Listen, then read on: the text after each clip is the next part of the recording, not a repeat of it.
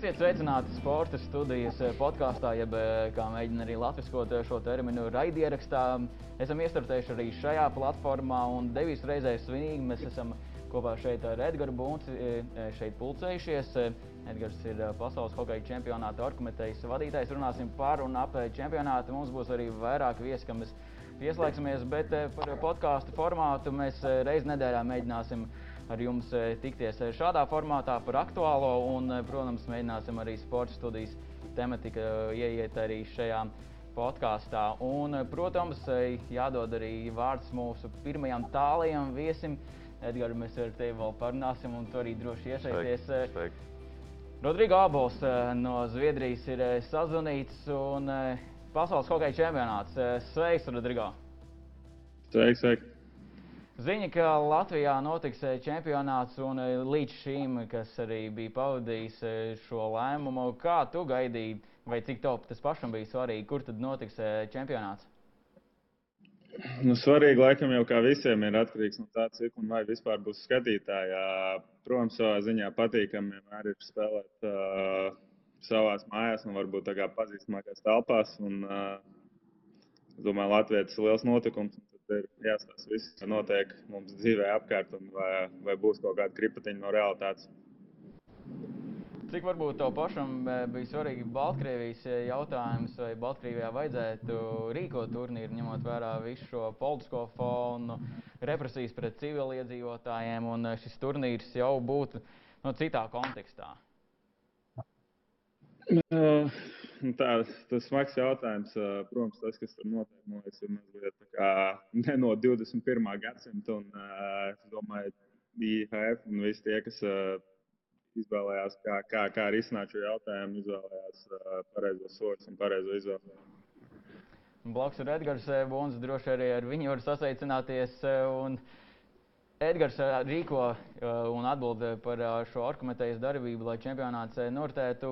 Edgars, ar ko reiķināties Rodrigo, ņemot vērā, ka viņam vēl sezona rita un, protams, nu, nav zināms, kā, kā varbūt šiem ārzemju spēlētājiem, kad, kad viņiem vajadzētu ierasties Latvijā un kad viņi, protams, varēs to izdarīt, ka būs sezonas beigušās.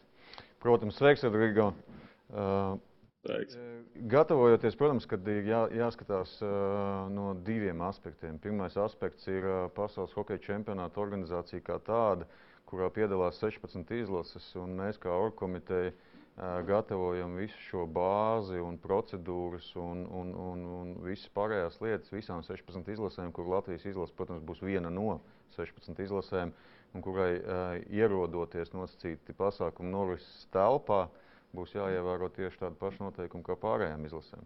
Ja mēs runājam no otra aspekta, tad Latvijas izlases gatavošanās posms būs atsevišķi skatāms uh, Hokeja federācijas paspārnē esošs pasākums, projekts nosacīts.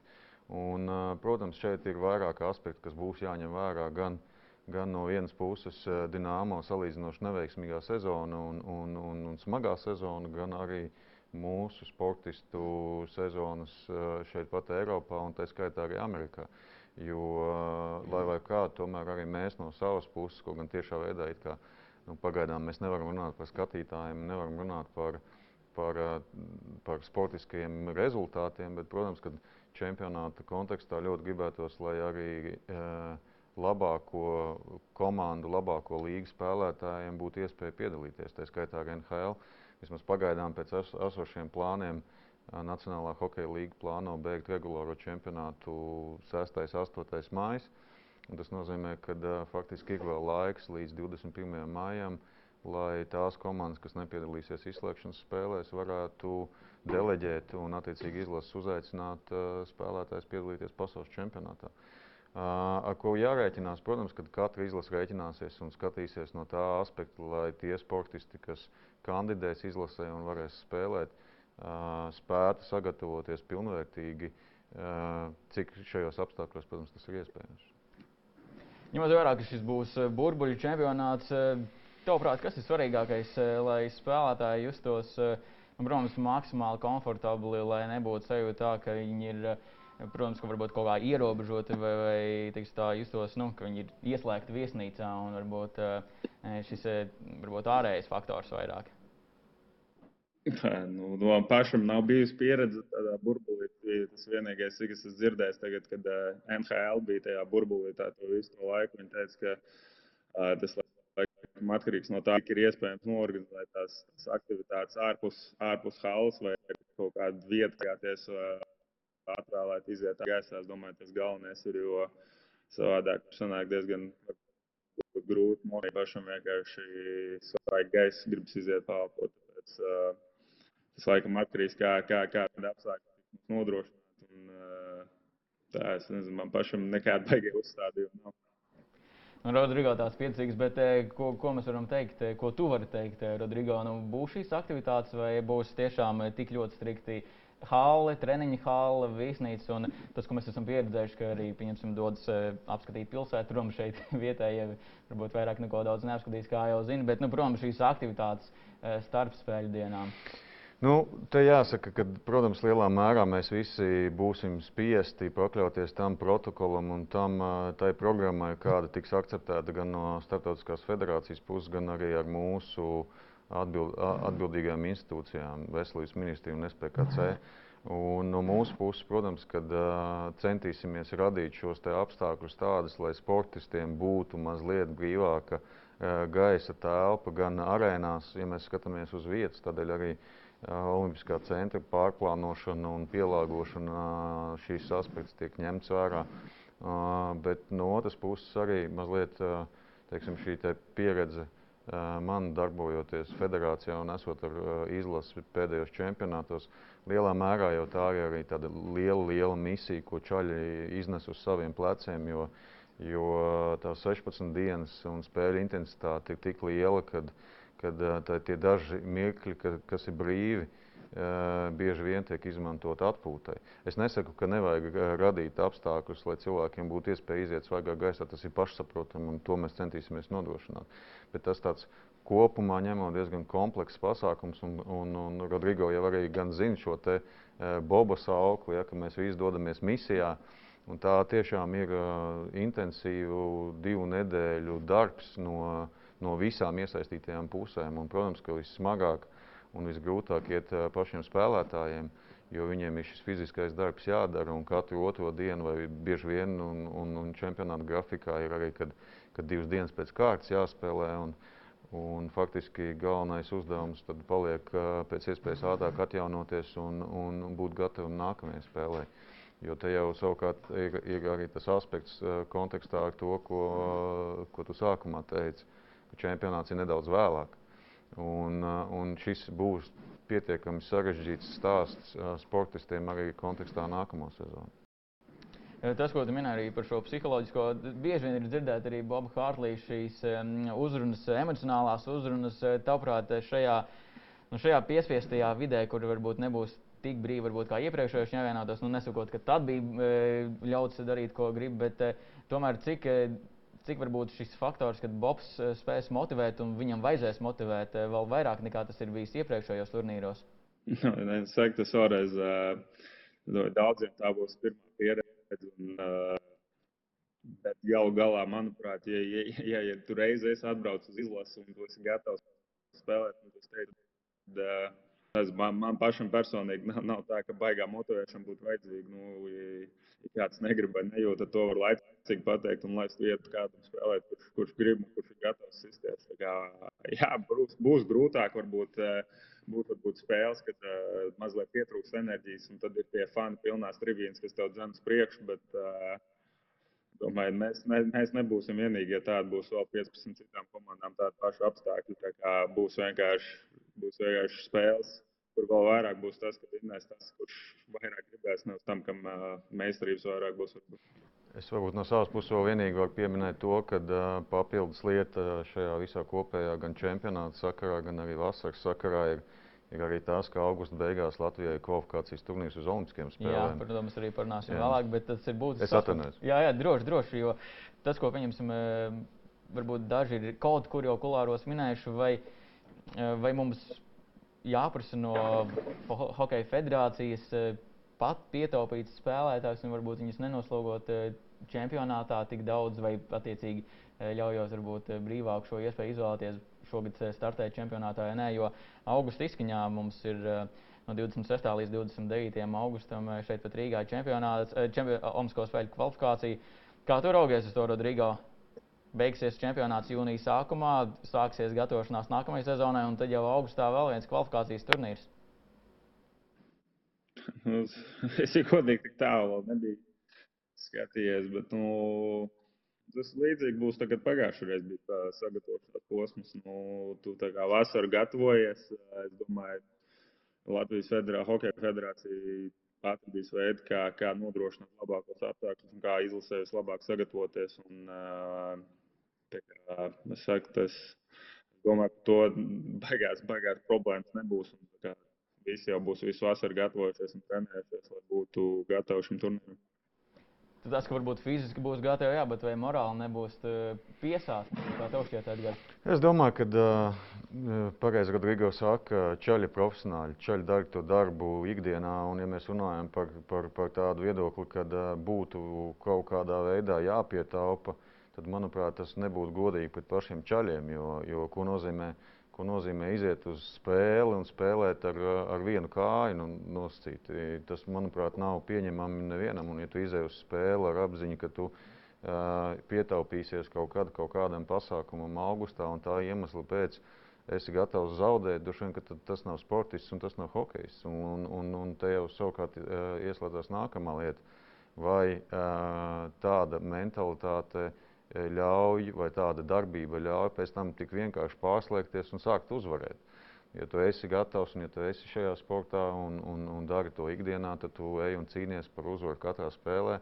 Un, uh, gan tev pašam, gan apkārt esošiem cilvēkiem jānodrošina maksimāli viss nepieciešamais, lai, lai sportists būtu gatavs un spējīgs to izdarīt spēlēt bez skatītājiem, to jau šī sezona ir jau, jau ar pieredzi. Kā ir sevi motivēt, varbūt eh, brīžos, kad tu arī, kā minēji, eh, skatītāji var pavilkt uz priekšu, kad viņi nav ko darīt?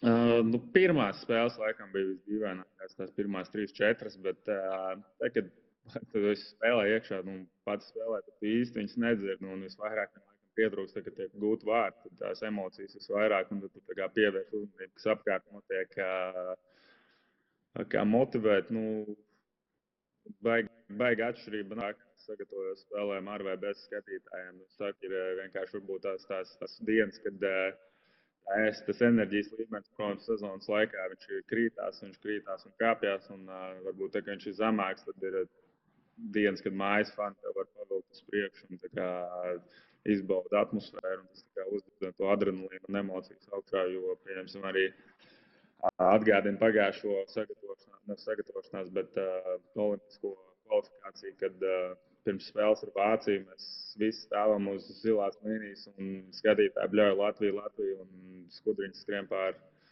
pār ķermeni. Tas laikam pietrūkst vairāk. Būs jādomā ar risinājumu, jo nu, Būsim reāli, Edgars, ņemot vērā pašreizējo situāciju, ja tāda paliek līdz mājām, tad uz skatītāju klātbūtni arēnā un Olimpiskā centrā nu, nav ko mums cerēt. Es domāju, ka noteikti nē, kad, un arī tas laikam nebūtu prāta darbs tādos apstākļos, kādi ir šodien, ļaut cilvēkiem pulcēties lielā daudzumā. Kaut gan es domāju, ka no šodienas skatu viedokļa mājas, man tomēr gribētos pirmkārt cerēt, ka viņš būs siltāks. Otram kārtām arī tā situācija nedaudz mainīsies, un es ļoti ceru uz labo pusi. Un, protams, ka gan mūsu, gan IHF vēlme ir vismaz kaut kādu noteiktu skaitu cilvēku ļaut viņiem atrasties arēnā, jo šī atmosfēra pasaules čempionātā ar skatītājiem vai bez skatītājiem, protams, ir pilnīgi diametrāli pretēji. Un, uh, Un savukārt no mūsu puses mēs esam jau kopā ar Arēnu Rīgu izstrādājuši šādu iespēju sadalīt arēnu, un, un pēc esošiem sadalījumiem mēs varam nodrošināt vairāk kā 40 dažādas ieejas dažādos sektoros, sadalīt arēnu astoņos, astoņos tādos kvadrantos nosacīti pirmajā stāvā un, un augšējā stāvā. Tādējādi nodrošināt gan cilvēku šo nekrustošanos un, un, un pietiekami kontrolētā daudzumā uh, izsēdināt attiecīgajos attālumos un, un, un cilvēku, teiksim, ievērojot visu šīs epidemioloģiskās prasības. Protams, no, no organizatoriskā viedokļa tas prasīs varbūt nedaudz vairāk apsargu, nedaudz vairāk šo plānošanu, nedaudz vairāk barjeru, kā norobežot cilvēkus. Bet, bet es domāju, ka arī, arī no sportistu viedokļa un, un arī no mūsu viedokļa, no atmosfēras viedokļa, ja šāda iespēja būs, tad pilnīgi noteikti mēs būsim gatavi laist cilvēkus iekšā. Un, un kā es arī minēju saviem kolēģiem, tad mūsu viss darbs ir jāorganizē tādā veidā, kad, kad pat ja 20. maijā mums tiks iedot atļauja 21. maija spēlē ielaist tūkstotis cilvēks, mums ir jābūt tam gatavam.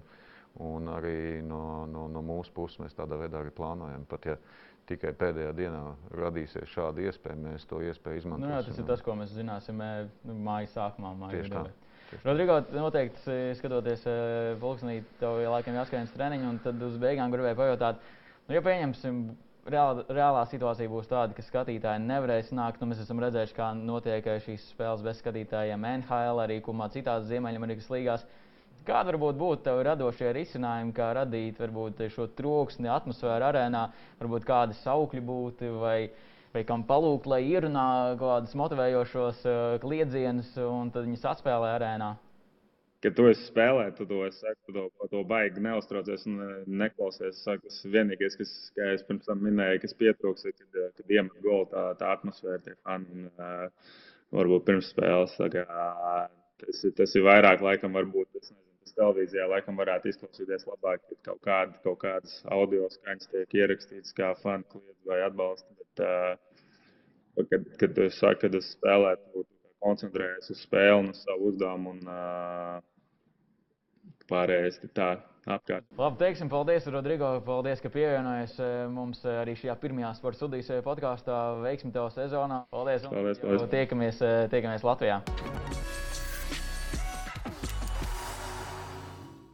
Bet palūkojieties sociālajos tīklos, nu, visu pirms paskatīsimies, kas notiek Baltkrievijā. Tur Dmitrijs Baskovs, tas, kurš jau ir Eh, turēts aizdomās eh, par, par uzbrukumu un eh, cilvēku nonāvēšanu. Viņš joprojām ir Hokeja federācijas vadītājs Baltkrievijā. Viņš Twitterī ir ierakstījis, ka mēs, Baltkrievijas valsts savienība, neboikotēsim čempionātu. Mēs parādīsim, kurš ir spēcīgākais uz ledus.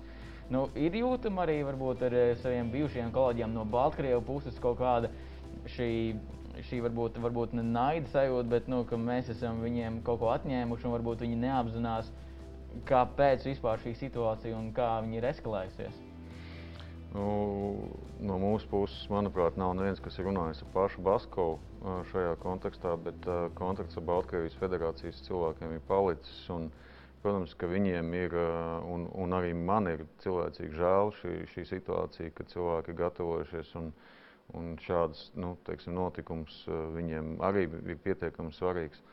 Bet tāpat laikā komunicējot tādā federācijas un sportiskā līmenī, ir, ir, ir, ir šīs attiecības saglabājušās, un, un šie ir hokeja cilvēki. Un, un viņu teiksim, attieksme pret pasaules čempionātu paliek līdzīga. Protams, ka ir kaut kāds mazliet tāds - kāpēc ir notikuši. Mēs esam arī redzējuši dažādas Baltkrievijas un Krievijas mēdījos publicēto informāciju nu, tur līdz galam šis fons nav varbūt realitāti precīzi atspoguļojošs. Tur bija minēts, no. ka IHF ir piekāpusies startosko sponsoru spiedienam, ka ir, ka ir uh, attiecīgi arī politiskais spiediens no Latvijas, no Ziemeļvalstīm, Zviedrija, Dānija, Somija. Runājot ar Baltkrieviju, mēs kolēģi. cenšamies no šī jautājuma attālināties un nepieskaramies šiem politiskajiem, pirmkārt, politiskajiem jautājumiem, otrām kārtām iemesliem, kāpēc tas tā ir noticis. Visi ir pieņēmuši to, ka tas tā ir noticis.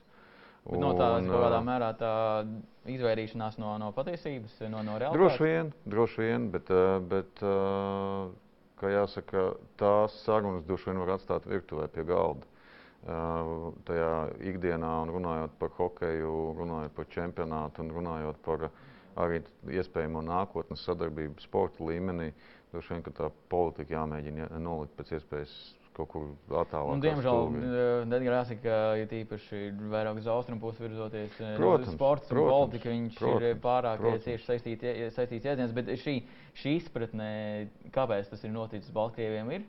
Es Vai domāju, viņi ka... dzīvo ilūzijā, ka joprojām tas var būt kaut kas uh, ārējais faktors un uh, ka viņiem ir izdarīts pāri net, netiesi, attiecīgi pretiesiski, varbūt, nu, varbūt ne pretiesiski, bet neprecīzi šis lēmums. Es domāju, ka tur ir cilvēki, kas ir vienā pusē un kas ir otrā pusē, bet ņemot vērā situāciju, pat ja viņiem viedoklis atšķirās, viņi šo viedokli skaļi nepauž. Latvijā, protams, ir arī raisījis dažādas asociācijas un dažādas arī no, no sporta mūsu kolēģiem, kas ir dažādi izteikušies. To varētu gan no savas puses, gan arī kopumā arī no personīgās varbūt, pieredzes dalīties. Pasaules čempionāts pirmkārt par viņu mēdz teikt, ka šis ir čempionāts, kurš ir par vēlu. Šis ir čempionāts, kurš ir negribēts un čempionāts pāri visām pandēmijas skartajām likstām. Mm. Tas ir eh, tas, kas eh, šobrīd, eh, un, protams, vēl šis finansiālais aspekts, Jā. ka Latvija ir tautas valodā sakot, iegrābusies, un šī summa, kas ir publicēta arī no valdības ziņojuma, papildus ne vairāk par 3 miljoniem, summējoties klāt 600 un 700 tūkstošiem, kopumā summējot 4,3 miljonu no valsts puses, ka tā summa vēl pieaugs un ka būs vēl papildus tēriņi. Cik ļoti tad šis varbūt atbilst patiesībai, ka nu, šis ir čempionāts, eh, kuru Latvijā nevajadzēja rīkot. Nevajadzēja mums pašiem uzprasīties visu čempionātu rīkot. Jūs redzat, es domāju, ka uh, tas, tas uh, jautājums no vienas puses iespējams ir sarežģīts, no otras puses pietiekami vienkāršs. Ja mēs runājam par valsts finansējumu, tad valsts finansējums ir tikai daļējs visu čempionātu sarīkošanai. Un, uh, nekāda papildus uh, prasības no valsts uh, nebūs, un tās ir izslēgtas jau ar valdības ziņojumu kad šis papildus finansējums, kas tika definēts līdz 3 miljoniem, atkarībā no tām tiešajām izmaksām, kādas būs Olimpiskā centra pielāgošanai. Bet, es domāju, pārtrauc, bet tas nozīmē, ka šobrīd februāra sākumā jūs esat apzinājuši visas pilnīgi pozīcijas un uzsākot jau aktīvāku darbu, gan pielāgojot Olimpisko centru, nebūs pēkšņi pārsteigumu un zvans vai ziņojums valdībai, ka tomēr ir nepieciešams vēl papildus iespējas? Šāds zvans nebūs tā iemesla pēc, ka, ja gadījumā šī summa, kas būs nepieciešama, pārsniegs 3 miljonus, to seks Startautiskā hokeja federācija. Valdības iesaiste virs šīs noteiktās summas nav paredzēta. Un, kā jau teicu, tas jau tika noteikts ar ministra kabineta rīkojumā, kad, kad piešķiramā summa ir līdz 3 miljoniem un ne vairāk. Ja mēs runājam no tāda ekonomiskā aspekta, uh, Un pēc tam es arī pieskaršos šim emocionālajam aspektam. Tad, uh, manā skatījumā uh, no krīzes mums ir jāiet agri vai vēl, jāiet ārā. Un, un uh, es uzskatu arī ar teiksim, šo te savu izglītību un, un, un zināšanām un, un pieredzi. Es gribētu teikt, ka šis ir ļoti labs uh, sākums, atspēriena punkts uh, nozarei sākt atjaunoties un iet no krīzes ārā. Jo, uh, Man tomēr gribētos uh, cerēt, ka uh, vasara jau būs posms, kad, kad cilvēki sāks varēt iet uz ielas, sāks varēt braukt kaut kur. Uh, varbūt ar kaut kādiem ierobežojumiem, varbūt ar kaut kādiem nedaudz apgrūtinājumiem, bet es, es tiešām ceru, ka visa sabiedrība pasaulē no šīs krīzes ies ārā agri vai vēl.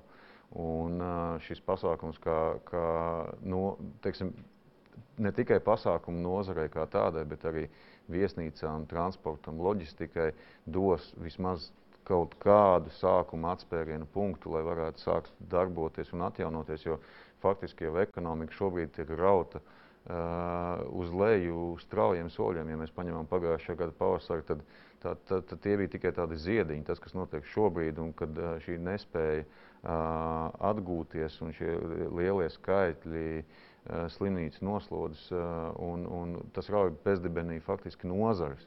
Nav runa par uzņēmumiem, bet par nozarēm. Un tādēļ teiksim, eh, šis te gaišais stariņš kaut kur parādījies ar vakcīnām. Un, Un, un es tiešām uzskatu, ka agri vai vēl mēs iz, iziesim no tā visa. Tomēr ir pārāk tuvs laika periods, lai, lai, lai cerētu, ka situācija kardināli uzlabosies. Un šis ekonomiskais fons par ekonomiskajā ieguvuma fonds eh, noteikti varbūt nav, nav tāds, ko mēs varbūt varētu cerēt ne pandēmijas apstākļos, jo, piemēram, arī šie 1200 cilvēki, kas ieradīsies, viņiem šīs iespējas iegādāties pakalpojumus un preces, viņas būs ļoti ierobežotas.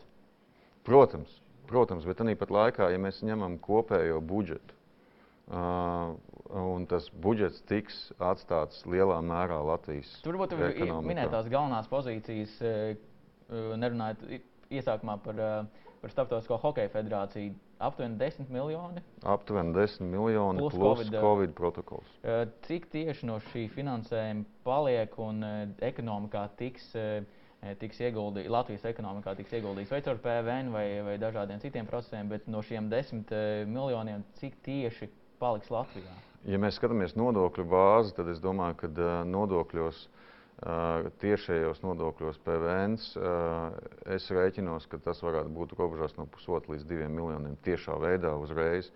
Nerēķinot šo iespēju cilvēkiem nopelnīt un samaksāt nodokļus attiecīgi no algām. Tā ir puse jau tas, ko un, Latvija ir ieguldījusi. Tieši tā, par to jau arī stāsta, ka, ja mēs skatāmies kopējo izmaksu pozīciju, kas ir šie te, gandrīz 14 miljoni ar, visu Covid protokolu, tad, tad valsts ieguldītie 4 miljoni uh, faktiski nonāks uh, valsts kasē atpakaļ jau tiešo nodokļu veidā.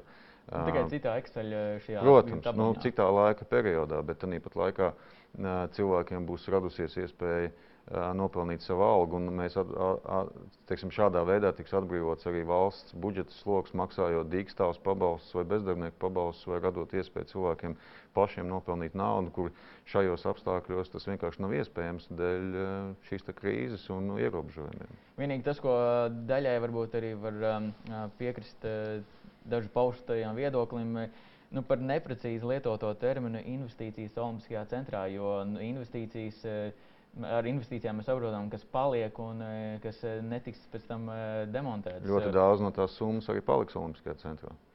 Kā, kā tieši, ja mēs runājam par ledus laukumu, tad viņi uz konkrēto ne, laiku ledus laukumu nē. Protams, ka mēs sākam teiksim, skatīties uz visām pozīcijām. Tas arī nevienā brīdī nav teikts, ka visas pozīcijas paliks Olimpiskajā centrā. Par to jau nav, nav tas lielais stāsts. Lielais stāsts ir pirmkārt par to, ka Olimpiskais centrs ir slēgts jau kopš decembra uh, vidus, ja nemaldos, ja, kad Jā. tika aizliegta visa sportošana. Un šai ēkai uh, ir pietiekami lieli komunālie maksājumi, uh, kurus, diemžēl, nav iespēja valstiskā līmenī palīdzēt. Un, no vienas puses saprotam, no otras puses nē, bet tāpat laikā Olimpiskajam centram ir jādzīvo tālāk, jo tas pats basēns. Uh, viņam, viņ, viņš nes līdzi kaut kādu izdevumu kopumu, kuru neviens nesadz šajā brīdī. Un, uh, Un tad pat laikā runājot par, par čempionātu un gatavošanos čempionātam, ļoti daudz telpas tiks sakārtotas, pārkārtotas, pielāgotas, pārkrāsotas. Nu, tās, tās gan ir investīcijas. Tieši tā, tieši tā, tāpēc eh, teiksim, tā viennozīmīgi jau ne, nu, nav teikts, ka Olimpiskais centrs šobrīd pārformēsies par, par uh, hokeja hāli. Nevienam... No šiem trīs miljoniem, cik tad, uh, nu, tā vienkāršot sakām, cik paliks Olimpiskajā centrā, cik tiks samaksāts? Kopā ar algām, kopā ar nomas maksu, kopā ar tām investīcijām, kas tiks izdarītas pašā Olimpiskā centrā paliekošas, gandrīz 2 miljoni ir Olimpiskā centrā. Sanāk, tad miljons ir, lai ierīkotu šo, lai pār, pielāgotu futbola zāli. Aptuveni tā. Hokeja laukumā. Aptuveni tā. Mēs jau iepriekš arī sporta studijas sižetā, kad, kad tikāmies, uh, Protams, šis laiks eh, nu, liks eh, plēst matus, lai varētu vispār čempionātu sarīkot. Bet um, korupcijas elements šajā faktorā, kad salīdzinoši šīs laiks nepietiek izvērtēt praktiski un finansiāli izdevīgāko un pilnībā, kur tu saskati pats kā organizētājs riskus un bažas, lai pēc čempionāta nebūtu pašam un kopumā valstī nepatīkams pārsteigums par, par to, kur varbūt. Nesamērīgi augsts finansējums ir aizgājis. Man jāatzīst, ka šis ir viens no tiem svarīgākajiem aspektiem un, un momentiem, pie, kuriem, pie kura mēs jau šobrīd uh, uh, sēžam, domājam un darbojamies, kā maksimāli panākt to, ka uh, šādi riski pazūd.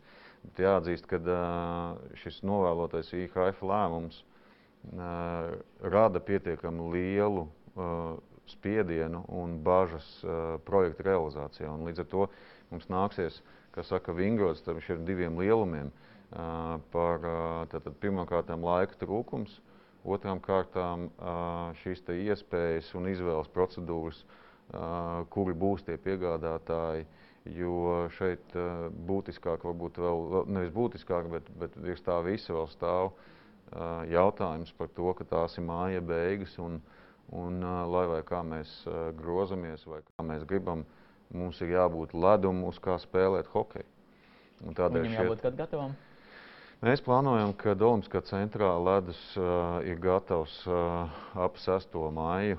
Uh, tātad uh, visam šim hokeja elementiem jābūt uzmontētiem. Trīs mēnešus. Tieši tā.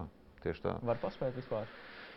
Es gribu, var, gribu teikt, ka var paspēt, bet, kā jau minēju, tas mums rada pietiekami lielu spiedienu tieši no organizatoriskā viedokļa. Jo, jo ir skaidrs, ka ir valsts noteiktās normas attiecībā par iepirkumiem un valsts līdzekļu izmantošanu. Tad pat laikā ir pietiekami īsts laika periods, lai to realizētu. Nu, šis noteikti arī bija viens no jautājumiem no Starptautiskās hokeja federācijas un Infronta puses. Vai jūs vispār varat paspēt tik īsā laikā uh, iekārtot Olimpisko centru pasaules čempionāta vajadzībām. Un iepirkumi, viņu apstiprināšana. Mēs redzējām, ka sākotnēji buksēja Daugos Latvijas halas projekts, ņemot vērā, ka ir trīs mēneši palikuši tieši mēs skatāmies kalendārā. Tad nu, šis ir viens no papildus riskiem vēl pandēmijas fonam. Cik, cik diemžēl, jā, diemžēl, cik prāt, jā, šis ir liels risks, lai mēs beigās nesnākam uh, ar vēl lielākām nepatikšanām, ka mēs vienkārši fiziski nevaram uh, Olimpisko centru pielāgot. Jāsaka, ka no IHF puses tāds jautājums nebija. es uzdevu viņu tā. jā, jā, jo, jo, jo tā, tie ir tie aspekti, par kuriem mēs eh, runājam jau no faktiski rudens, jā, kad, kad mums trūkst laika un mums pietrūks laika. Un, un, protams, ka eh, šī situācija ir, ir lielā mērā jārisina mums šobrīd jau kopā ar IHF pēc šī lēmuma. Uh, es gribētu teikt, ka šis, šis ir tiešām liels izaicinājums. Un, un ja tu man prasi, mm, vai mums ir varianti, mums variantu nav. Un, un, uh, teiksim, mums nav, kā saka, vienā no Bonda filmām, ja, mums nav tiesību kļūdīties. Ja. Un, un tādēļ, tādēļ arī tas viss process ir jācenšas organizēt tādā veidā, un es ļoti ceru uz atbildīgo institūciju un, un, un iestāžu pretīm nākšanu. Uh, saprāta robežās nonākt līdz uh, risinājumam. Kad ir jāsākās darbiem, lai, lai, lai mēs paspētu līdz nu, šim 6. mājām visu, visu pabeigt? Uh, laika grafiks, ko mēs esam uh, provizoriski salikuši uh, arī kontekstā ar, ar, ar valsts finansējumu, ir tā, ka, protams, no tāda organizatoriskā viedokļa vislielāk, vislielāko darbu apjomu prasīs Olimpiskais centrs. Un, un, ja mēs gribam 6. mājā ja mēs gribam 6. maijā ledu ar boktiem jau gatavu uh, redzēt uh, dzīvē, tad, uh, tad es gribētu teikt, ka montāžas darbi jāsāk aptuveni 10. un 15. aprīlī. Uh, soļojot atpakaļ laika skalā, tad, tad tas nozīmē, ka līgumiem mums ir jābūt aptuveni uh, vēlākais līdz marta vidum. Uh, savukārt, lai noslēgtu līgumus līdz marta vidum, uh, potenciālie piegādātāji mums ir jāizvēlas piegādātājs konkrētajā pozīcijā jāizvēlas līdz 1. martam. Un tas nozīmē, ka izvēles process, darba uzdevums, izvēles process, piedāvājuma apkopošana, izvērtēšana, ņemot vērā arī tos riskus, ko tu minēji, mums paliek no šodienas skatoties, man tagad jau ir sajukuši datumi, šodien mums ir piektais, tātad mums ir palikušas 23 dienas. Jo februāris, 24. es pat neatceros, kā mums sanāk februāris garais vai īsais. Bet, jā, tad, tad, tad 23 dienas februārī mums palikuši šo darbu veikšanai. Un, un, un, protams, kad teiksim, visas standarta procedūras, kādas ir valstī, šo, šo nepieļauj. Tādēļ mums būs jāmeklē risinājums gan ar izglītības ministriju, gan ar iepirkuma uzraudzības biroju, kā to, kā to risināt. Bet pirms šī lēmuma jūs vispār apzinājāt, vai tas fiziski ir iespējams ņemot valsts gan juridisko, gan arī birokrātisko aparātu, jo tev ir liela pieredze šajos jautājumos, un tas nav viens e-pasts vai, Protams. vai viena e-pasta korģēšana. Tā ir papīru kaudzi, kas ceļo no viena departamenta uz otru, un tik vienkārši un tik ātri nenotiek. Protams, tas, ko mēs vispirms apzinājāmies, ir, ir šīs tehniskās iespējas. Un šobrīd tas, ko es varu pateikt, ka tehniski tas ir iespējams un kas ir labi faktiski jebkurā pozīcijā, kurā mēs skatāmies, mums ir divi, trīs vai pat vairāk potenciāli piegādātāji, kas, kas var risināt konkrēto uzdevumu. Un tas ļautu mums būt pietiekami objektīviem gan no tehniskā risinājuma viedokļa, gan arī no finanšu piedāvājuma viedokļa. Uh, savukārt, runājot par birokrātisko pusi, es domāju, ka šī būs ļoti laba tāda treniņa iespēja mums visiem tādos apstākļos šo projektu realizēt un, un paskatīties, cik ātri teiksim, skries ne tikai orgkomiteja un tehniskās kompānijas, bet cik lielā mērā valsts ierēģi ir gatavi skriet mums līdzi un palīdzēt šo projektu realizēt. Un pie šīs tēmas mēs esam jau sazvanījuši Herbertu Viļņu. Viņš noteikti gaidīja, kad viņš varēs pats, pats iesaistīties. Sveiks, Herbert! Sveicināti! Man kā spēlētājiem būtu gribētos zināt, cik ilgi būs, būs treniņu process un kā tas viss notiks. Jo tas ir pats galvenais spēlētājiem gatavošanās un sagatavošanās process. Tas viss ieilgst un, un kā nekā tā čempionāts būs mūsu mājās, Rīgā. Mums vajadzētu tomēr arī sagatavot komandu pienācīgi. Jā, Edgar, kāda, kāda ir situācija? Ja tas, ko tu minēji arī iepriekš, ka arī ārzem, nu, visām pārējām valstsvienībām, Kanādai, Zviedrijai, viņiem visticamāk nāksies ierasties Latvijā jau aptuveni desmit dienas pirms čempionāta sākuma, lai izietu varbūt šo pašizolāciju nepieciešamo, ņemot vērā, ka mēs esam mainieki. Kāds treniņu process mums varētu izskatīties? Es domāju, ka šeit es ne, droši vien nebūšu tas gudrākais cilvēks. Tā iemesla pēc, kad ir uh, Bobs Hārtlīs ar komandu, kas to treniņu procesu arī plānos un noteiks gan treniņu nometnes sākumu, gan, gan visu to procesu, kas notiek uh, izlases, uh, izlases nometnē. Bet tas, ko es gribēju noteikti pie, pievērst uzmanību, ir, ir šajos apstākļos daļa no sagatavošanās, ko Herberts min. Ir arī saistīta ar uh, spēlēšanu. Jo pilnīgi skaidrs, ka hokejs ir sporta spēle un bez spēlēšanas līdz labai fiziskai formai tu nenonāksi. Un, un spēlēšana šajos apstākļos, pārbaudas spēļu formā, ceļojot, būs neiespējama. Un, un tas, ko mēs piedāvājām IHF un, un arī esam uh, sazinājušies ar, ar lielāko daļu čempionāta izlasēm, uh, mēs piedāvāsim formātu, ka izlases no, no, no varēs atbraukt uz Rīgu uh, laicīgi. Tātad atkarībā no viņu plāniem, uh, orientējoši no tā 6. un 7. datuma, mēs būsim gatavi viņiem piedāvāt apstākļus, kuros viņi varēs aizvadīt gan uh, šo pēdējo ciklu trenējoties un gatavojoties paplašinātā sastāvā, nevis tikai 25 spēlētāju sastāvā, kas ir jāpiesaka čempionātam, gan arī organizēt pārbaudas spēles. Jo, kā jau minēju, ceļošana visdrīzāk no Krievijas uz Latviju, Latviju uz Šveici, Čehiju uz Zviedriju un tā tālāk. Šādu pārbaudas spēļu iespējamība visdrīzāk nebūs. Un tas, ko mēs piedāvājam, ir ir braukt uz šejienu, pēdējo ciklu aizvadīt šeit uz vietas un Visam organizēt. Mēs esam piedāvājuši tādu variantu un, un jāatzīst, ka jau, jau līdz vakardienas vakaram sešas izlases ir apstiprinājušas, ka ir gatavs šādu formātu ne tikai izskatīt, bet arī realizēt. Un, un, un, un tas būt, tā būs visdrīzāk daļa no sagatavošanās posma katrai izlasē atsevišķi. Herberts, kā bijušais uh, spēlētājs, uh, par laimi, jāsaka, laikam, to nav bijusi šāda pieredze burbulī spēlēt, bet uh, ko spēlētājs sagaida vispār? Kā vajadzētu apkārt sakārtot, nu, protams, maksimāli iespējamo, iespējamās situācijas, kā viņas, kādas viņas vispār pieļaus kaut ko, kaut ko tādu izdarīt? Nu, optimāls sagatavošanās posms noteikti nebūs. Tas jau ir, tas ir skaidrs jau šodien. Uh, Bet es domāju, ka uh, spēlētājiem ir galvenais treniņi un pār, pārbaudas spēles, kā jau eh, Edgars to pieminēja. Um, sagatavošanās procesam vajadzētu vismaz divas nedēļas, un pēc tam ieiet tādā spēļu ritmā, kāds būs arī turnīrā. Tas ir eh, vismaz novadīt kādas trīs, četras spēles. Um, par to burbuli runājot, tagad es domāju, tas nekas uh, sevišķs nav, jo uh, tu kā uh, komandas, uh, ja tu esi komandā, tu jau vienalga esi vienmēr pie komandas, esi viesnīcā, un tev no ārpuses nav nekāda tāda tāds, uh, spiediens. Tā kā tu, tu vienmēr esi ar komandu, un tu mēģini ar komandu arī palikt. Tā kā tas burbulis nebūs problēma spēlētājiem. Bet kur saskati, kur varētu būt kaut kādas problēmas? Jo tomēr šī sezona ir, ir īpatnē ar to, ka viņi beigsies nu, salīdzinoši vēl un diezgan ātri.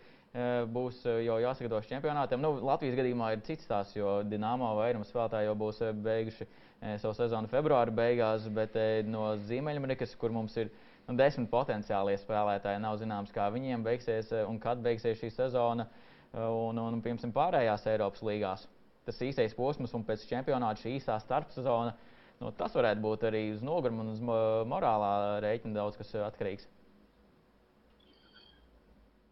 Uz nogurumu diez vai, jo nav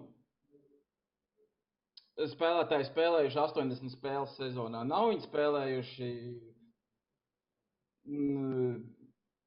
40, 50 spēles. Tas viss ir tādā īsā posmā noticis, un uh, mēs esam vienkārši uh, augstam pēc hokeja spēles. Vienīgā problēma varētu būt no Amerikas, kā jau tu pieminēji, spēlētāji atlidoja, sēž 14 dienas karantīnā gandrīz vai neko nedara, un tagad atkal jāiesaistās ir treniņu procesā. Tā varētu būt liela problēma. Um, jo, jo agrāk tu spēlētājs sasauc kopā un jo ātrāk viņi ir komandā, tad būs labāks treniņu process. Ja sāks lidot no Ziemeļamerikas viens, no um, Āfrikas otrs, tad, trešais no Dānijas un tā tālāk, un viņiem visiem būs karantīnā jāsēž tad varētu tas treniņu process nedaudz izjukt. Jo mums jau jāsaspēlē ir gan maiņas vairākumā, gan mazākums, gan vienkārši maiņas arī un saprašanās ar uh, komandas biedriem un tā tālāk. Vienīgais, ko es varu teikt, kad iedragās to procesu karantīnu. Nu jā, Edgars, NHL beidzas regulārā sezona 8. maijā. Kā pieņemsim, mēs skatāmies vairāk Elvis Mirzļīkins, Matīs Kilnieks, Teodors Bļugačs, nu, viņiem visticamāk, ka pirmā kārta plēfā būs. Tas nozīmē, ka nu, ar viņiem mēs nevaram reiķināties. Man, man tiešām ir patreiz grūti paredzēt šo protokolu, ko mēs saucam par Covid protokolu vai Latvijā par sanitāro protokolu, kādas būs gala rezultātā prasības par, par ieceļošanu un un iespējamo dalību tiem, kas varētu pievienoties jau turnīra laikā. Jo, es domāju, pārtraucu, bet tur turpināt, uh, lai skatītāji ir, ir zinoši, NHL izslēgšanas spēle sāks 11. maijā. Jā. Un es, es, man tomēr vairāk šķiet, ka drīzāk tas risinājums būs tāds, ka komandas varēs piesaistīt tos spēlētājus no tām komandām, kas netiks izslēgšanas spēlēs. Es domāju, ka pēc tam šis process un laiks ir pietiekami īss, Var būt vienīgi, ja mēs runājam teiksim, par tādām komandām, kas uh, potenciāli plānos un redzēs, ka var cīnīties par medaļām, varbūt viņi ies uz to risku, piesakot spēlētāju. Teiksim, ja mums čempionāts sākās 21. datumā un, un, un fināls ir 6. datumā, pieņemsim pēc pirmās kārtas, teiksim, kaut kādā 20. maijā viņi pieteiks uh, vienu, otru vai trešo spēlētāju cerībā, ka viņš atbrauks un varēs spēlēt, piemēram, ceturtdaļu finālā vai pusfinālā. Varbūt tāda stratēģija atsevišķās komandās būs. Bet, bet tas es... būs Latvijas valdības un mūsu slimības profilaks un kontrolas centra lēmums, vai tas būs IHF lēmums? Tas būs kopēj, kopīgs lēmums, jo Covid protokolu izstrādāsim mēs kopā ar IHF un apstiprinās valsts institūcijas. Un tikai šī Covid protokola ietvaros mēs būsim spējīgi darboties un, un, un ielaist uh, burbulī jaunus personāžus, spēlētājus vai jebkuru citu, kas būs nepieciešams komandai. Herbert, tev ir eh, gan plaši kontakti arī Ziemeļamerikā, tos ir, protams, arī Vācijas hokeja virtuvē, tu ļoti labi pazīsti. Nu, ir zināms, ka gan eh, amerikāņiem, gan kanādiešiem šis Eiropas čempionāts ir bijis daļai, protams, eh, iespēja arī pavadīt laiku ar ģimeni, kad viņiem ir iespēja doties līdzi. Ņemot vērā, ka šī situācija nebūs, viņiem pašiem vēl būs jāatrodas burbulī gan čempionātā, gan visticamāk arī pirms čempionāta krietni laiku. Tavuprāt, kā tas ietekmēs šo lielo top, top 4, top 5 valsts vienību spēlētājus? Kādus, kādus vispār mēs izlases varētu redzēt šeit? No sākuma jau grūti pateikt, kādi spēlētāji atbrauks un no kurām komandām, jo tas viss ir atkarīgs, atkarīgs no izslēgšanas spēlēm. Bet um, viņi sastāvs viņiem būs ļoti labs. Un, un tagad uh, uh, katru čempionātu Kanāda un Amerika ir bijusi viena no vadošajām komandām. Arī šoreiz uh, viņi brauks bez ģimenēm, tad viņi vairāk koncentrēsies hokejam. Tas ir bīstami citām izlasēm. Bet, otrādi, nav bažas, varbūt, ka tieši kanādiešiem un, un amerikāņiem būs varbūt, grūtības pierunāt vai uzrunāt šos spēlētājus, kas nu, jau pēc mēs redzam, kā notiek NHL, jau vairākas spēles atcelts, daudziem jāiet pašizolācijā. Un tad vēl maijā ir jādodas vēl šajā burbulī, lai pārstāvētu valsts čempionātā. Un mēs zinām, ka parasti viņiem nu, čempionāts ir prestižs jautājums, varbūt, kad ir daudziem ir šie sanāk, triple club, kad viņi var mm. izcīnīt mm. gan savu čempionu titulu, kas pievienojas gan Olimpiskajām spēlēm, gan arī pa, šim pasaules kausam. Cik tev, prāt, Herbert, būs kanādiešiem un amerikāņiem uh, jāpierunā vai jāpielauž spēlētāji pārstāvēt valsts vienības? Es domāju, abām izlasēm būs nelielas problēmas. Kā jau tu pieminēji, vienmēr ar, ar Covid un, un arī būšana prom no ģimenes mēnesi, pusotru un tā tālāk. Bet viņiem ir tik daudz spēlētāju, ka viņi var izvēlēties. Uh, ja viens neatbrauks, atbrauks otrs. Tur liela, liela izmaiņa. Uh, komandas uh, spēlē nebūs. Mēs saprotam, kā spēlē kanādieši, kā spēlē amerikāņi. Un es domāju, mēs arī redzēsim zvaigznes un zvaigznītes Kanādas un Amerikas izlasēs. Eh, kā kopumā, Herberta, visu pasaules čempionāta jautājums ir eh, Vācijā izskanējis un kāda ir šī eh, rezonance bijusi līdz lēmumu pieņemšanai un kad lēmums bija pieņemts, ka viss turnīrs notiks Rīgā vienvietā? Ļoti pozitīvi tika uzņemts, ka tas ar Rainlu kungs vairākas intervijas devis arī avīzēs, un, un viņš bija tikai par Latviju, jo citu neko viņš nebija, vispār nebija domājis arī, e, ka citas izlases e, vai citas valsts varētu e, čempionātu pārņemt. Un Vācijas izlase gatavojās nopietni, bet, kā jau mēs zinām, pandēmija arī viņiem ir ielikusi nedaudz nūjas pieķos. Tā kā nenotiks tāds tagad sagatavošanās process februārī, viņiem notiks sagatavošanās process pirms čempionāta. Un, uh, Vācija gaida un, un gatavosies nopietni šim uh, pasākumam. Nu jā, Latvija ir viena no pretiniecēm mūsu, mūsu grupā. Jautājums varbūt abiem jums, kungi. Šis varētu būt Latvijas iespēja čempionāts, ņemot vērā gan arī pārējo valstu vienību problēmas vai sarežģījumus, izaicinājumus nokomplektēt pēc iespējas spēcīgāko sastāvu. Un ņemot vērā, ka mums kodols jau pēdējos gados ir bijis Dienāmo Rīga un maksimāli cik var no Ziemeļamerikas esošie, protams, arī pārējie Eiropā spēlējošie. Uh, un ņemot vērā šo fonu, ar ko saskarsies pārējās valstsienības, vai tomēr mums nebūs tik izteikts priekšrocības? Herbert, es ļaušu tev sākt. Labi, mums lielākā priekšrocība skaidrs, ka trūks un tie ir mūsu līdzjutēji. Tas ir ļoti liels mīnus, uh, jo ja mēs spēlējam, šo, e, spēlējam paši savā mājās, tad mums arī vajadzētu to līdzjutēju atbalstu. Tas būs ļoti liels mīnus. Ot, ot, mēs skatāmies tālāk. Es domāju, mums būs neliela priekšrocība tas, ka mēs spēlējam arēnā Rīgā un mēs esam mājās lielākoties spēlē Rīgas dīnāmo un mēs varētu to priekšrocību izmantot. Un, skatoties tālāk, citām izlasēm būs tomēr problēmas ar eh, sastāvu komplektēšanu, ar lidojumiem, ar eh, karantīnas atkal eh, problēmām un tā tālāk.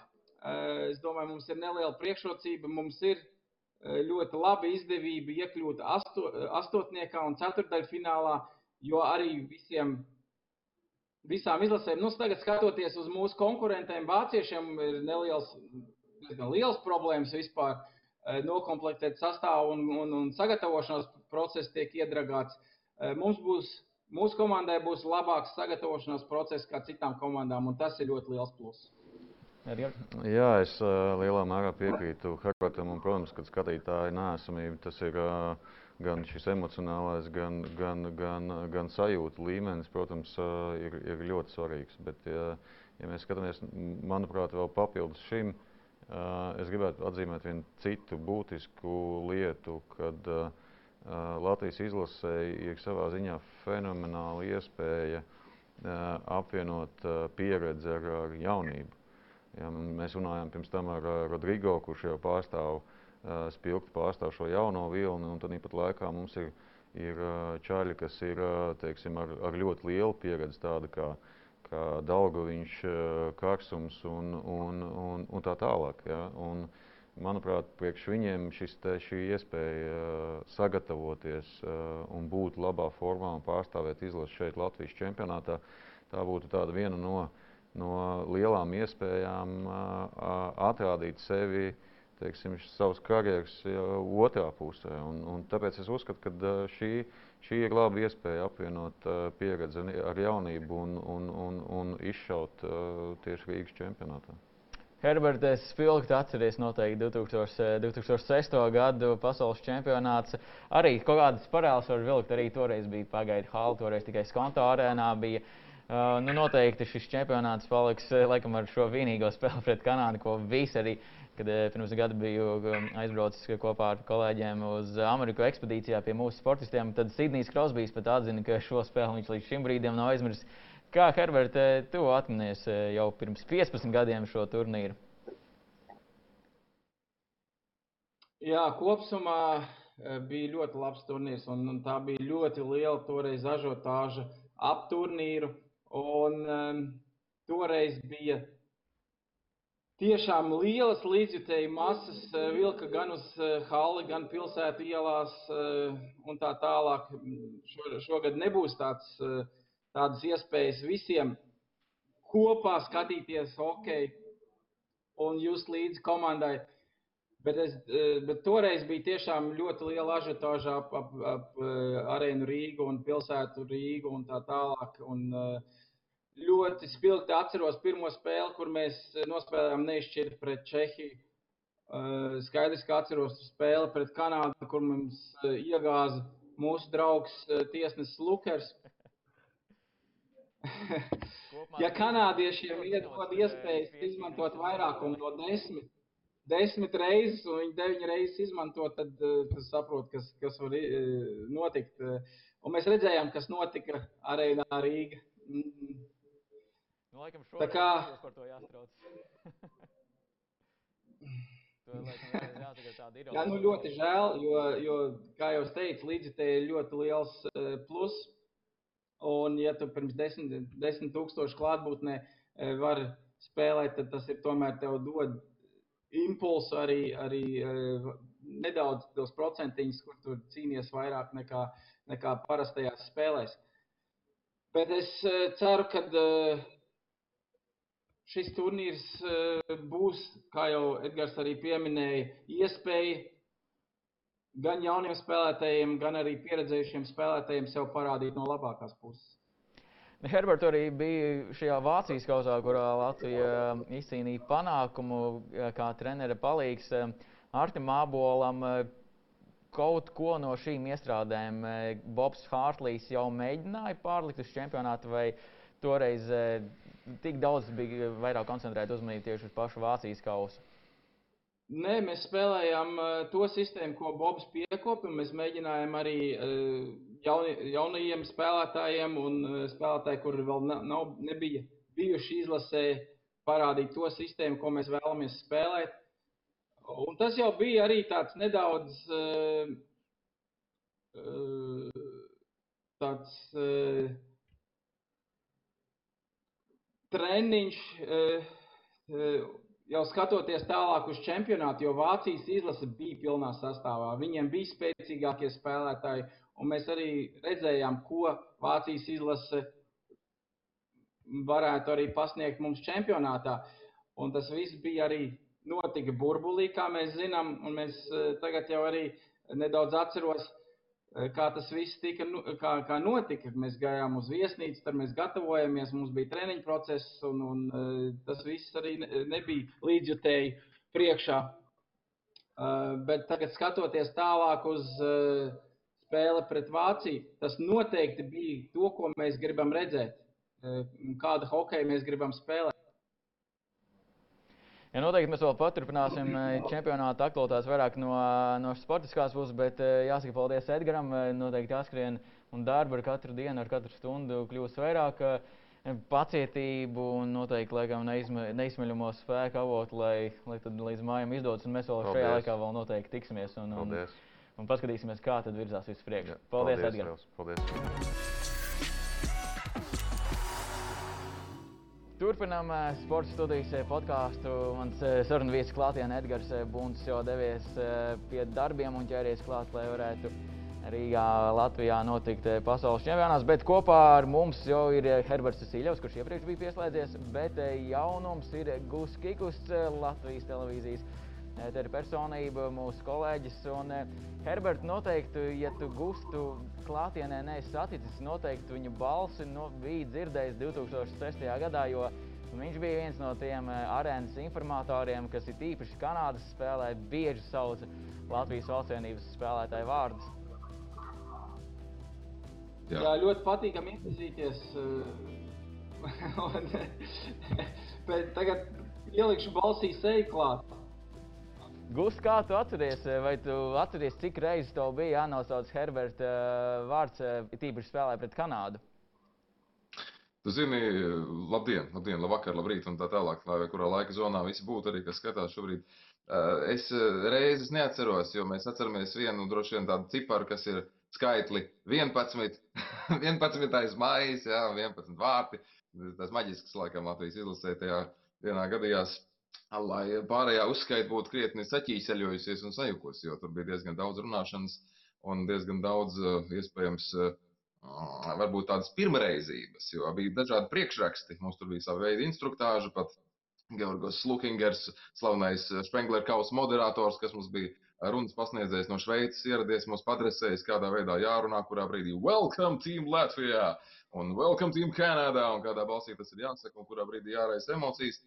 Bet protokolos nebija paredzētas eh, monētas vai lidojoši papīra gabali vai kas cits, un ko tādā situācijā darīt, un kad lūgt, kad draudēt, kad atvainoties, kad, kad izmisumā vienkārši platīt rokas. Jāimprovizē uz vietas, un to nu, cenšoties darīt. Iespējams, ka liela daļa no tā visa aiz spriedzītes ir aizbīdīta tālākā zemapziņā. Līdz ar to arī kurš vārds cik reizes ir saukts, to es arī tagad nepateikšu. Bet, uh, bija karsta, bija karsta spēle. Jā, es domāju, ka uz laukuma viņi bija daudz karstāki nekā aizkulisēs, bet nu, nu, tāda dzīve bija jāpaliek.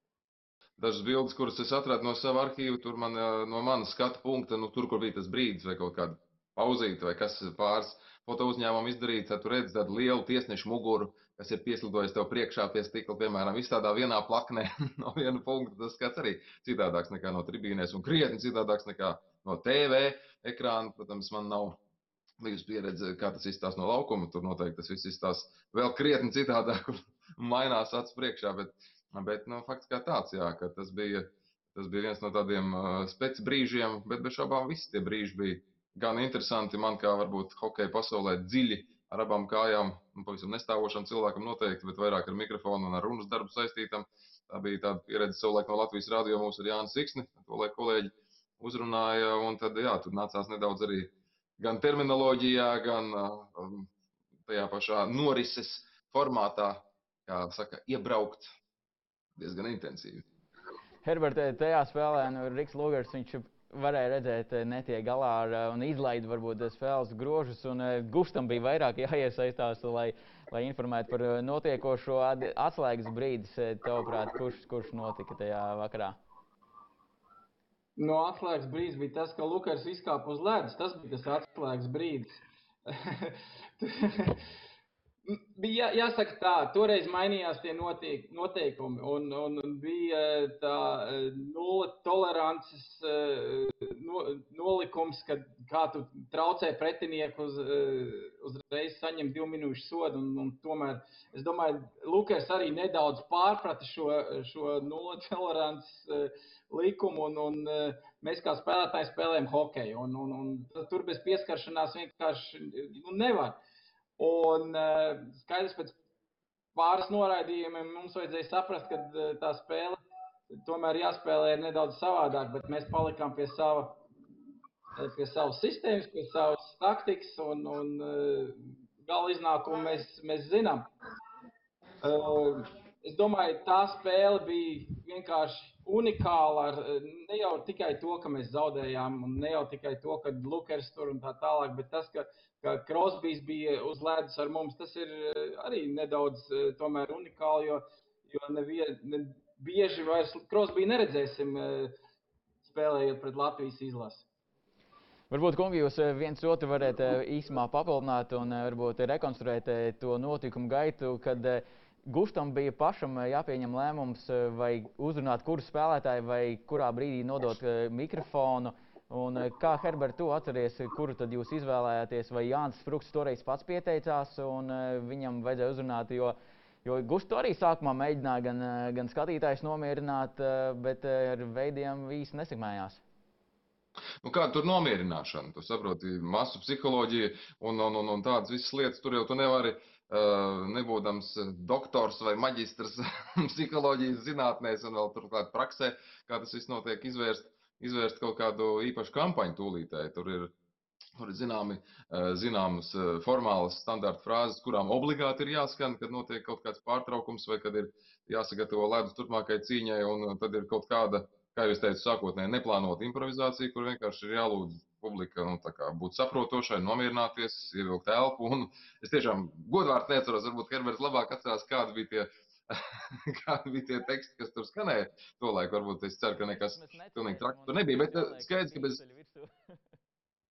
jā, jā, bet skaidrs, jā. ka bez, bez eh, kaut kādas autoritātes, kas Jānis Sprūks tolaik iesaistījās, nu, tas bija droši vien grūti izdarāms. Un tad, kad pat kad viņš iznāca, nu, tad man šķiet, tik ātri vēl nemaz tā svilpšana nebeidzās. Jā, eh, Raimond, tev, tev patīk tas pirksts uz to brūci drusciņu uzspiest, ne tas 0,11 jau, jau sēž eh, diezgan eh, dziļi manā pašapziņā, bet, nu, kā toreiz viss bija, un mēs vēlreiz gribam izklāstīt.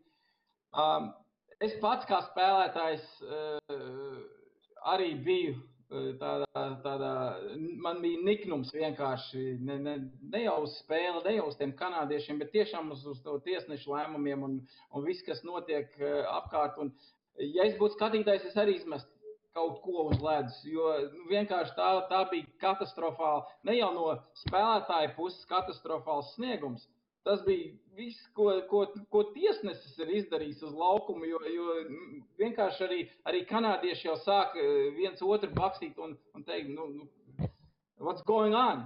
Ko viņš, ko viņš, ko viņš tur visu laiku sūta? Nost ir jau 3-0, ir jau 4-0. Nu, atļaujiet druskuļi uzspēlēt hokeju. Un um, toreiz bija tāda situācija, skaidrs, kad uh, Niknums uh, ņēma uh, pāroku un, un uh, pirmajā periodā jau tika mests kaut kas uz ledus, tad otrajā periodā nedaudz, un tā tālāk tika pārtraukta spēle pirmajā periodā. E, un trešajā periodā tas eskalēja viss. Un mūs aizsūtīja uz e, ģērbtuvēm, un mēs sēdējām vienkārši, un mēs paši bijām nesaprašanā, e, kā tagad vai nu spēle tiks turpināta, vai, vai tiksim diskvalificēta, vai, vai kas notiks. Un tad ienāca pārstāvis vai nu no arēnas Rīga vai no vadības un palūdza Sprūktam uh, izteikt, uh, uh, jā, nu, līdzjutējs lūgt nemest uh, neko uz ledus, citādi spēle netiks turpināta. Viņš uzreiz piekrita. Skaidrs, ko lūdzu? Viņš uzreiz piekrita. Nu, no sākuma jau, jau nu kā, mēs jau tagad spēlētāji, mēs jau tā nevaram un, un tā tālāk, eh, nu tā negriboši, bet uh, Sprūks bija laba, laba izvēle toreiz, uh, viņš mēģināja līdzjutējs nedaudz, nedaudz piemierināt, un, un tas arī viņam izdevās, un, un izdevās spēli novadīt līdz galam. Bet viss, kas notika spēles laikā, nu, tas ir vienkārši unikums. Nu jā, Gus arī iedeva šo stafeti vai, vai lāpu Jānim Sprūktam. Un... Mikrofonu lāpu, jā, jā, jā mikrofonu saprast pociņu. Nu, šobrīd es atceros gan, jā. nu, ja tu gribi aprakstīt uh, leņķi, kādā es viņam devu mikrofonu vai kā citādi, nu, tad tik niansēti es tā nevarēšu pateikt. Bet, nu, protams, ka jā, to es atceros, ka Jānis pieslidoja un man šo mikrofonu iedeva. Un tas, tas vieglais satraukums, tā vibrācija, kas nāca ne tikai no no zāles, no halas, respektīvi no līdzekļu arēnām, bet arī no paša Jāņa. Nu, tas, tas bija acīm redzami jūtams, jā, tas satrauktā balsī, bet tā pašā laikā apņēmīgi viņš ķērās pie šīs sviras. pie mikrofona vīras. Un, nu, jā, tālāk jau Herberts izstāstīja, tālāk kaut kā. Jā, neapmierinātība bija liela. Un, um, es domāju, ka tas līdzjutējs daudz ko nenomierināja. Vienkārši netika nekas mests uz ledus. Ļāva pabeigt līdz beigām uh, spēli. Un, un, un, uh, nezinu, kā Lukers tika pēc tam sveiks cauri. Nezinu, nevar, nevar iedomāties, kādā veidā. Guste, sarunas beigās gribēju pajautāt, vai tev būs vēl viens piedāvājums šogad būt arēnas informatoram? Piekristu šādam izaicinājumam pēc 15 gadiem?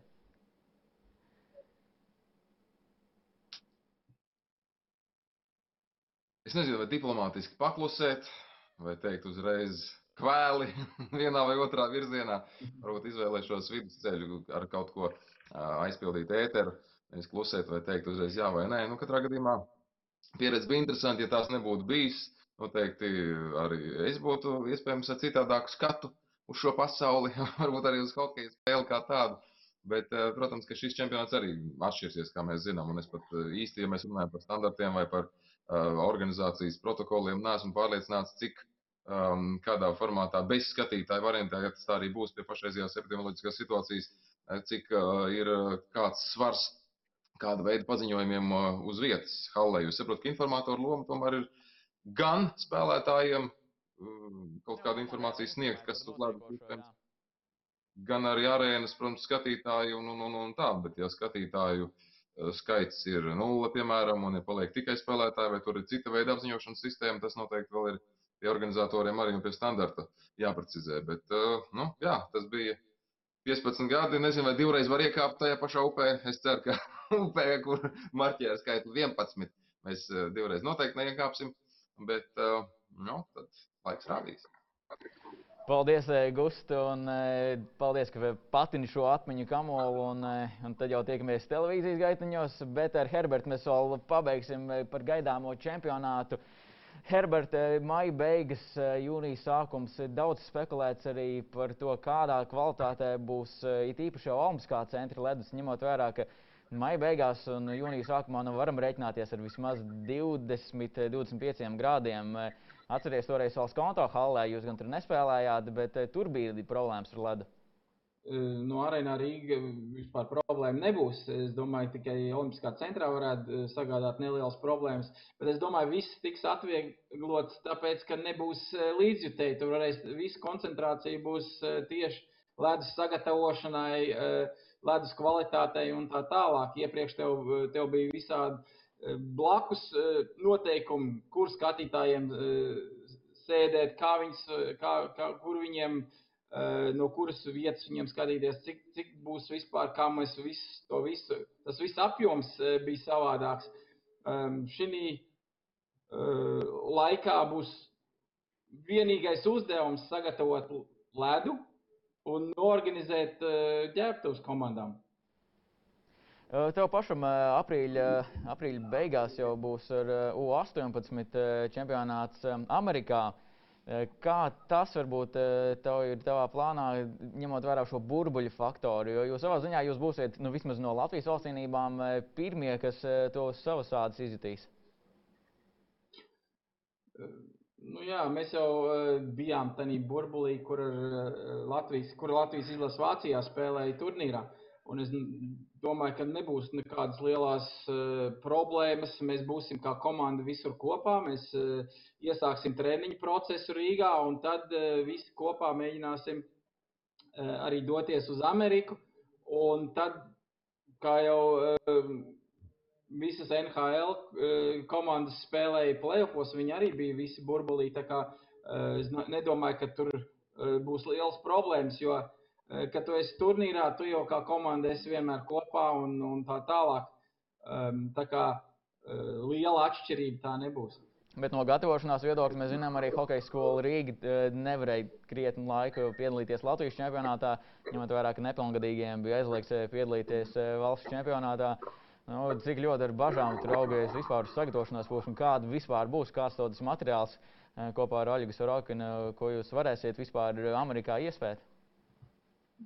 Jā, nu, tas skaidrs, ka iedegāja treniņu procesu un spēļu procesu un tā tālāk. Un, uh, būs uh, nelielas problēmas ar spēlētāju kondīciju, bet es domāju, ka mēs uzstādīsim plānu un kad mēs beidzot sanāksim visi kopā, tad arī sāksim trenēties un, un, un, paskat, un skatīsimies, kādā, kāda kvalitāte un kādā kondīcijā ir spēlētāji. Un tad mēs mēģināsim pieņemt pareizos lēmumus. Nu, jā, skaidrs, ka šodien šajā raidījumā mēs visu neizrunāsim. Teikšu tev lielu paldies, Herbert, ka pievienojies tālsaistē mums no Vācijas. Tev pašam droši vien arī ir arī mājas darbi, kas ir ar U18 vēl jādara. Paldies, Herbert, un tad jau tiekamies tuvāk vai tālāk, bet tomēr ledus laukumiem. Paldies! Paldies! Paldies, ka skatījāties un bijāt ar mums šajā pirmajā sporta studijas podkāstā, jeb raidierakstā, kā jums labāk tīkams šo formātu saukt. Apple podkāstu formātā, platformā un Spotify vietnē jūs varēsiet arī šo raidījumu pilnā apmērā noklausīties, tos starp arī YouTube. Un mēģināsim regulāri katru nedēļu ar jums tikties šādā formātā par aktuālo un eh, daudzām citām svarīgām tēmām sporta studijai, sporta kontekstā un eh, Latvijas sportā. Tīpaši vēl vairāk tās aktualizēt. Paldies, ka bijāt kopā ar mums šoreiz un eh, tiekamies nākamajā reizē un lai jums stipra veselība.